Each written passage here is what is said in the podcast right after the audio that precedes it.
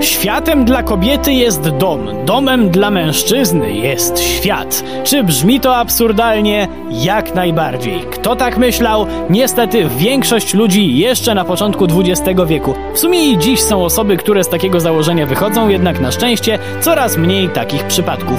Owo podejście do równouprawnienia zaczęło się zmieniać jeszcze przed I wojną światową, jednak kobiety czekała bardzo długa droga do celu, którym były takie same szanse i prawa, jakimi od wieków cieszyli się faceci. Ta droga niestety trwa nadal, ale my dziś zaczynamy opowieść o jej ciężkich początkach. Przy mikrofonie Wojtek Drewniak zapraszam na program w Drewniakach przez świat. Z wieloma głupimi stwierdzeniami się w tym temacie spotkamy, ale zacznijmy z grubej rury. Otóż w czasach zaborów wielu mężczyzn usprawiedliwiało ograniczenia praw kobiet do swobodnego życia i podejmowania pracy patriotyzmem. Uważano, że kobieta zajmująca się rodzeniem dzieci i domem to ostoja polskich obyczajów, a jako, że przecież zaborcy chcą nas szczytnych tradycji pozbawić, to najlepszą formą walki, jaką kobieta może podjąć z germanizacją czy tam inną rusyfikacją, będzie pokorne siedzenie w domu i pozwolenie mężczyznom zająć się poważnymi sprawami. Głupie? No głupie, ale co poradzę. Tak to już jest, jak bezmyślnie stawia się tradycję nad ludzką godność. Na szczęście dla kobiet na przełomie XIX i XX wieku światowa sytuacja gospodarcza nie należała do najwspanialszych, to też wiele rodzin zostało zmuszonych do przełamania tej umiarkowanie szczytnej tradycji, żeby mieć co włożyć do gara. Kobiety zaczęły szukać pracy. Co więcej, zaczęły ją znajdować i bardzo szybko okazało się, że nawet w zawodach czysto robotniczych kobiety dają radę, czym nie tylko udowadniają same sobie, że mają o wiele większą wartość, ale też, że mogą być finansowo niezależne od ojca lub męża.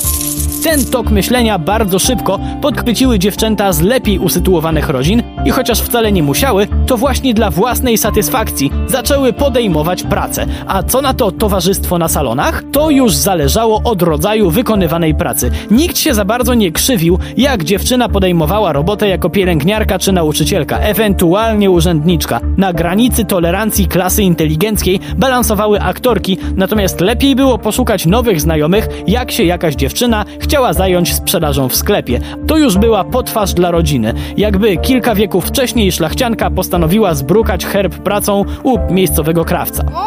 Czy kobiety dobrze zarabiały? A gdzie tam? Mniej niż faceci na podobnych stanowiskach, co na długie lata utrwaliło stereotyp, że to mężczyzna zarabia prawdziwe pieniądze, a kobieta to albo się w mniejszym stopniu dokłada do budżetu, jeśli taka jest potrzeba, a jak nie ma, bo rodzina dobrze sobie radzi, to tę swoją pensję może sobie wydać w charakterze pociesznego kieszonkowego. 거. Bardzo to dołujące, ale to dopiero początek, bo wybuchła pierwsza wojna światowa i mężczyźni ginęli na frontach, a dziewczyny dzielnie wypełniały ich zadania w domach i fabrykach, nie licząc tych dziewczyn, które też były na frontach, bo na przykład były sanitariuszkami. Można było liczyć na to, że kiedy wojna się skończy, to faceci dojdą do wniosku, że skoro dziewuchy tak dobrze sobie poradziły, to może czas najwyższy zrównać je w prawach, prawda? A gdzie tam? W większości miejsc za jakiś czas wróciły stare układy. A jak to było u nas?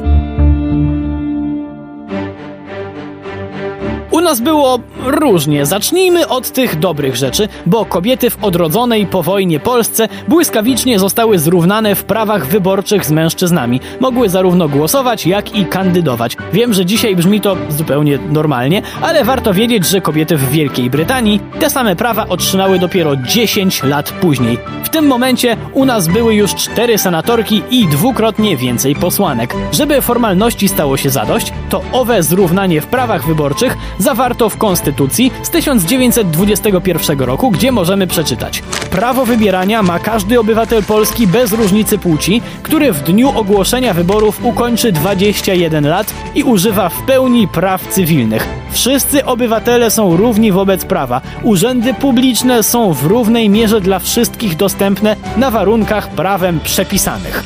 Fajne, prawda? No, nie najgorzej, tym bardziej, że tematyka równych praw kobiet zaczęła się pojawiać w szeroko pojętej kulturze. Bardzo dużą rolę odegrały tutaj takie pisma jak Kobieta Współczesna i Bluszcz, które ku przerażeniu wielu mężczyzn promowały ideę nowoczesnej i niezależnej dziewczyny z własną kasą, poglądami i decydującej o własnym ciele.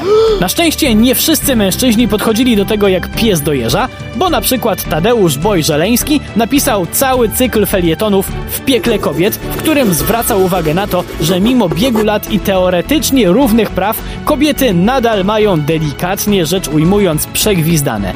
Czemu? Bo prawo sobie, a codzienność sobie. O tym, jak faktycznie wyglądało przestrzeganie praw kobiet we wcale nie tak pięknym dwudziestoleciu międzywojennym, opowiemy sobie już jednak w naszym kolejnym spotkaniu. Przy mikrofonie był Wojtek Drewniak. Do usłyszenia.